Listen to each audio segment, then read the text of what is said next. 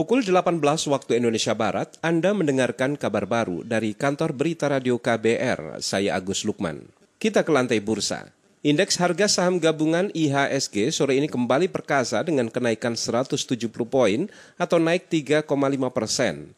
Mengutip data RTI, pada perdagangan hari ini indeks dibuka di posisi 4.816 dan langsung melejit ke posisi di atas 4.900 sebelum ditutup di sore hari pada posisi 4.986. Penguatan juga terjadi di semua bursa saham utama Asia, Eropa, dan Amerika Serikat, di mana indeks Nikkei Tokyo mengalami penguatan paling tajam mencapai 4,8 persen.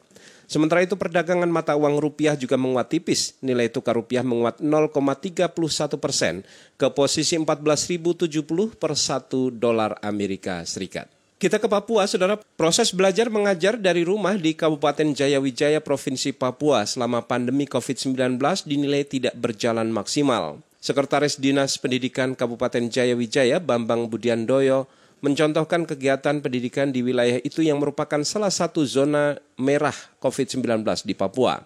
Bambang mengatakan kegiatan belajar mengajar secara online atau daring di Papua terkendala akses internet.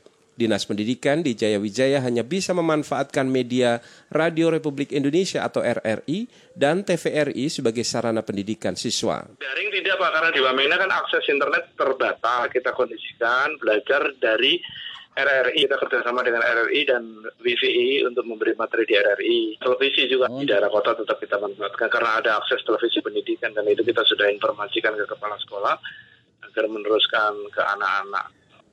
Sekretaris Dinas Pendidikan Kabupaten Jaya Wijaya Bambang Budiandoyo menjelaskan, pemanfaatan media TVRI pun terbatas hanya di wilayah Wamena, ibu kota Jaya Wijaya, karena terbatasnya pemilikan televisi. Sedangkan siswa di luar kota Wamena hanya bisa menggunakan siaran RRI. Karena itu pada tahun ajaran baru mendatang sistem pendidikan di Kabupaten Jayawijaya tetap menggunakan metode offline atau luar jaringan. Kita beralih ke informasi lain, Kementerian Koordinator Bidang Kemaritiman dan Investasi terus mendorong pengembangan kendaraan listrik berbasis baterai. Deputi Bidang Koordinasi Infrastruktur dan Transportasi di Kemenko Maritim Investasi, Ridwan Jamaludin mengatakan, sejak awal pemerintah sudah memutuskan untuk fokus membangun industri kendaraan listrik beserta infrastruktur pendukungnya di tanah air. Uh, kita punya kelebihan tentang ketersediaan bahan baku untuk membuat baterai. Ini yang ingin kita kapitalisasi. Yang kedua juga kita ingin agar um, pasar besar Indonesia untuk otomotif dapat juga dinikmati oleh industri nasional sehingga kita mendorong adanya pemain-pemain dalam negeri yang ingin membangun kendaraan bermotor listrik baik roda 2 maupun roda 4.